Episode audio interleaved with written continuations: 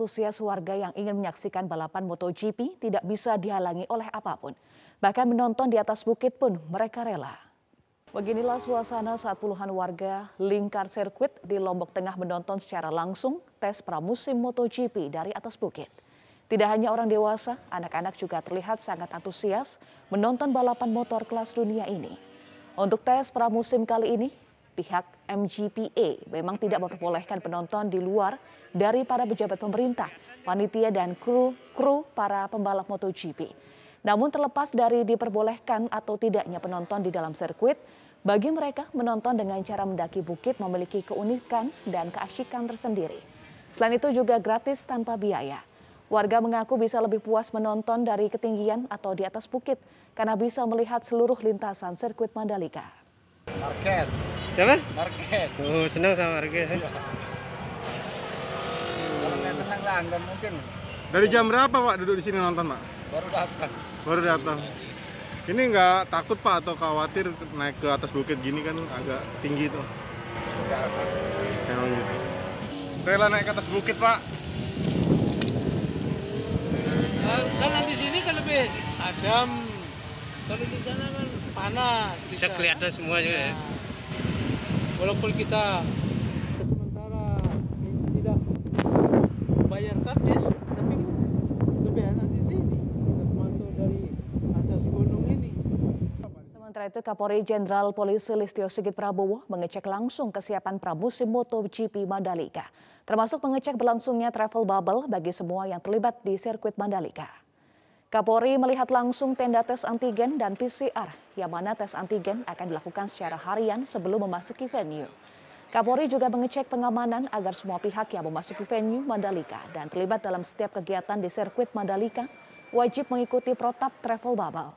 Bahkan penerapan protokol kesehatan bagi kru dan pembalap dari luar negeri sudah diberlakukan mulai dari pintu masuk ke Indonesia.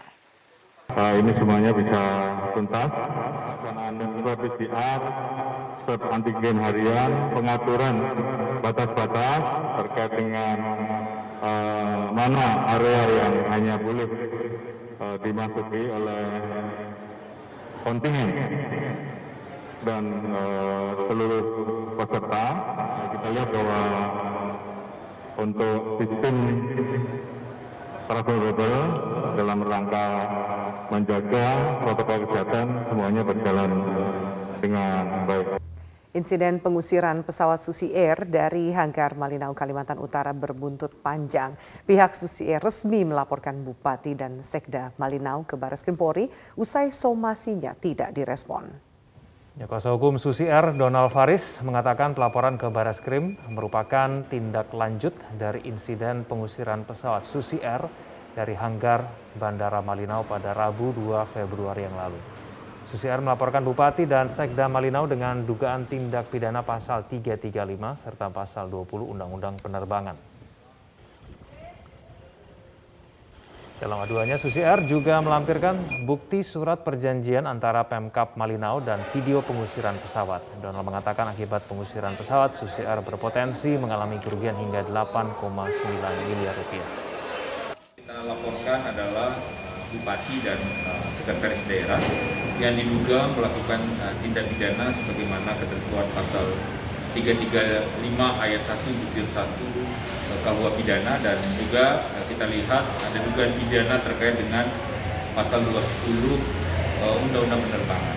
Atas dasar itu kemudian kita berpikir kita sudah melayangkan somasi sampai dengan hari ini somasinya belum di tangan kami Uh, dan pilihan hukum menurut kami adalah uh, melaporkan itu kepada penegak hukum.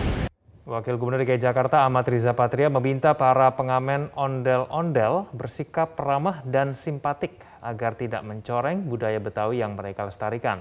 Pernyataan ini merespon video CCTV yang merekam pengamen ondel-ondel memaksa seorang bocah agar memberi uang dengan memukulinya. Menanggapi adanya seorang pengamen ondel-ondel yang terekam kamera CCTV melakukan pemukulan terhadap seorang bocah di Depok dan memaksa meminta uang, Wakil Gubernur DKI Jakarta Ahmad Riza Patria menyesalkan peristiwa itu. Riza meminta para pengamen ondel-ondel agar tidak memaksa warga, terlebih lagi anak kecil untuk memberinya uang. Riza menghargai ondel-ondel sebagai warisan budaya Betawi harus terus dilestarikan, namun perilaku pengamen yang memukul seorang anak tidak bisa dibenarkan. Aksi pemukulan oleh pengamen ondel-ondel terhadap anak kecil di Beji Depok, Jawa Barat terekam kamera CCTV yang terpasang di rumah warga. Pelaku mendekati sejumlah anak yang tengah duduk di pos jaga, kemudian meminta uang. Pelaku kemudian memukul korban karena tidak memberikannya uang. Akibat peristiwa ini korban mengalami trauma dan takut keluar rumah. Ondel-ondel kan sudah disampaikan ya, kita kan perlu memang melestarikan budaya Betawi, budaya bangsa, tapi semua harus sesuai dengan aturan dan ketentuan yang ada ya. Ya memang ini zaman-zaman sedang sulit ya, tapi tidak berarti kita boleh menghalalkan segala cara ya. Mari kita sama-sama mencari rezeki dengan cara yang baik, yang transparan ya. Tidak boleh ada aksi-aksi pemukulan atau anarkis dan sebagainya ya.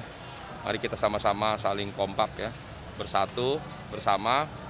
Silakan masing-masing boleh mencari rezeki dengan caranya masing-masing yang halal, yang baik, dan saling mendukung satu sama lain. Pemerintah Arab Saudi berencana mendigitalisasikan tempat-tempat suci yang ada di Mekah. Gagasan ini awalnya bertujuan untuk memberikan kesempatan kepada umat Islam agar bisa menyentuh Hajar Aswad secara virtual. Konsep ini kemudian menjadi kontroversi warga dunia.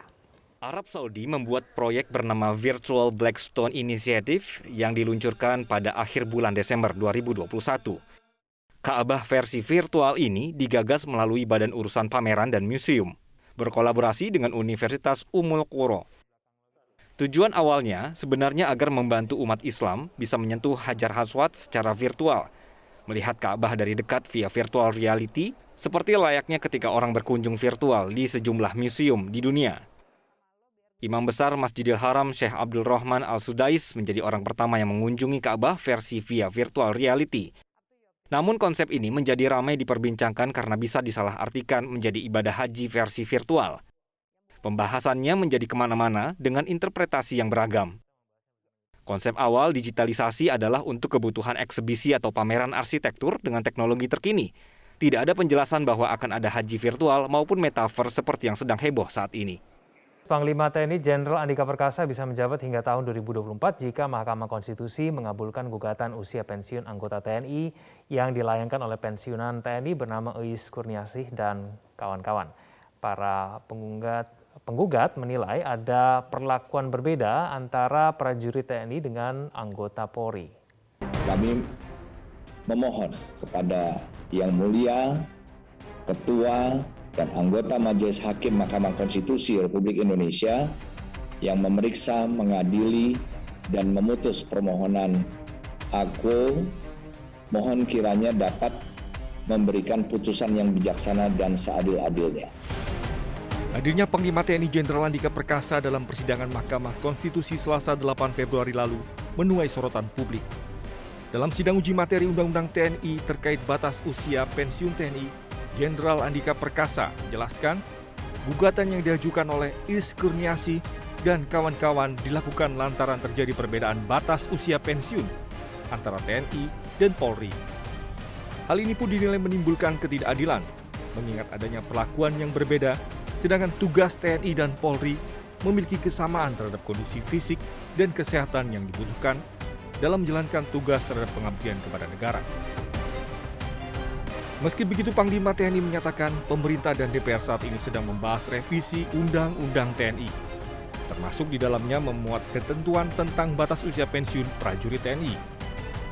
DPR RI memastikan wacana perpanjangan usia pensiun TNI disesuaikan dengan kebutuhan kita masih uh, melihat berbagai macam kemungkinan ya, karena memang belum diputuskan juga uh, secara uh, secara pembaian.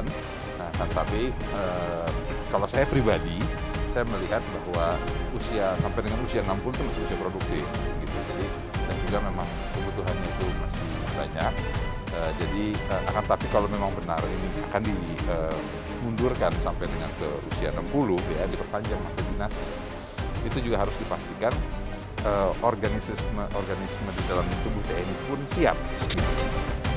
Sementara itu pengamat militer LAB 45 Andi Wijayanto mengatakan agar gugatan usia pensiun TNI dan revisi Undang-Undang TNI yang tengah dilakukan di DPR sebaiknya tidak ditujukan untuk mengakomodir politik militer semata. Namun harus juga menjelaskan seperti apa strategi regenerasi dan penyelesaian masalah penumpukan perwira tinggi TNI.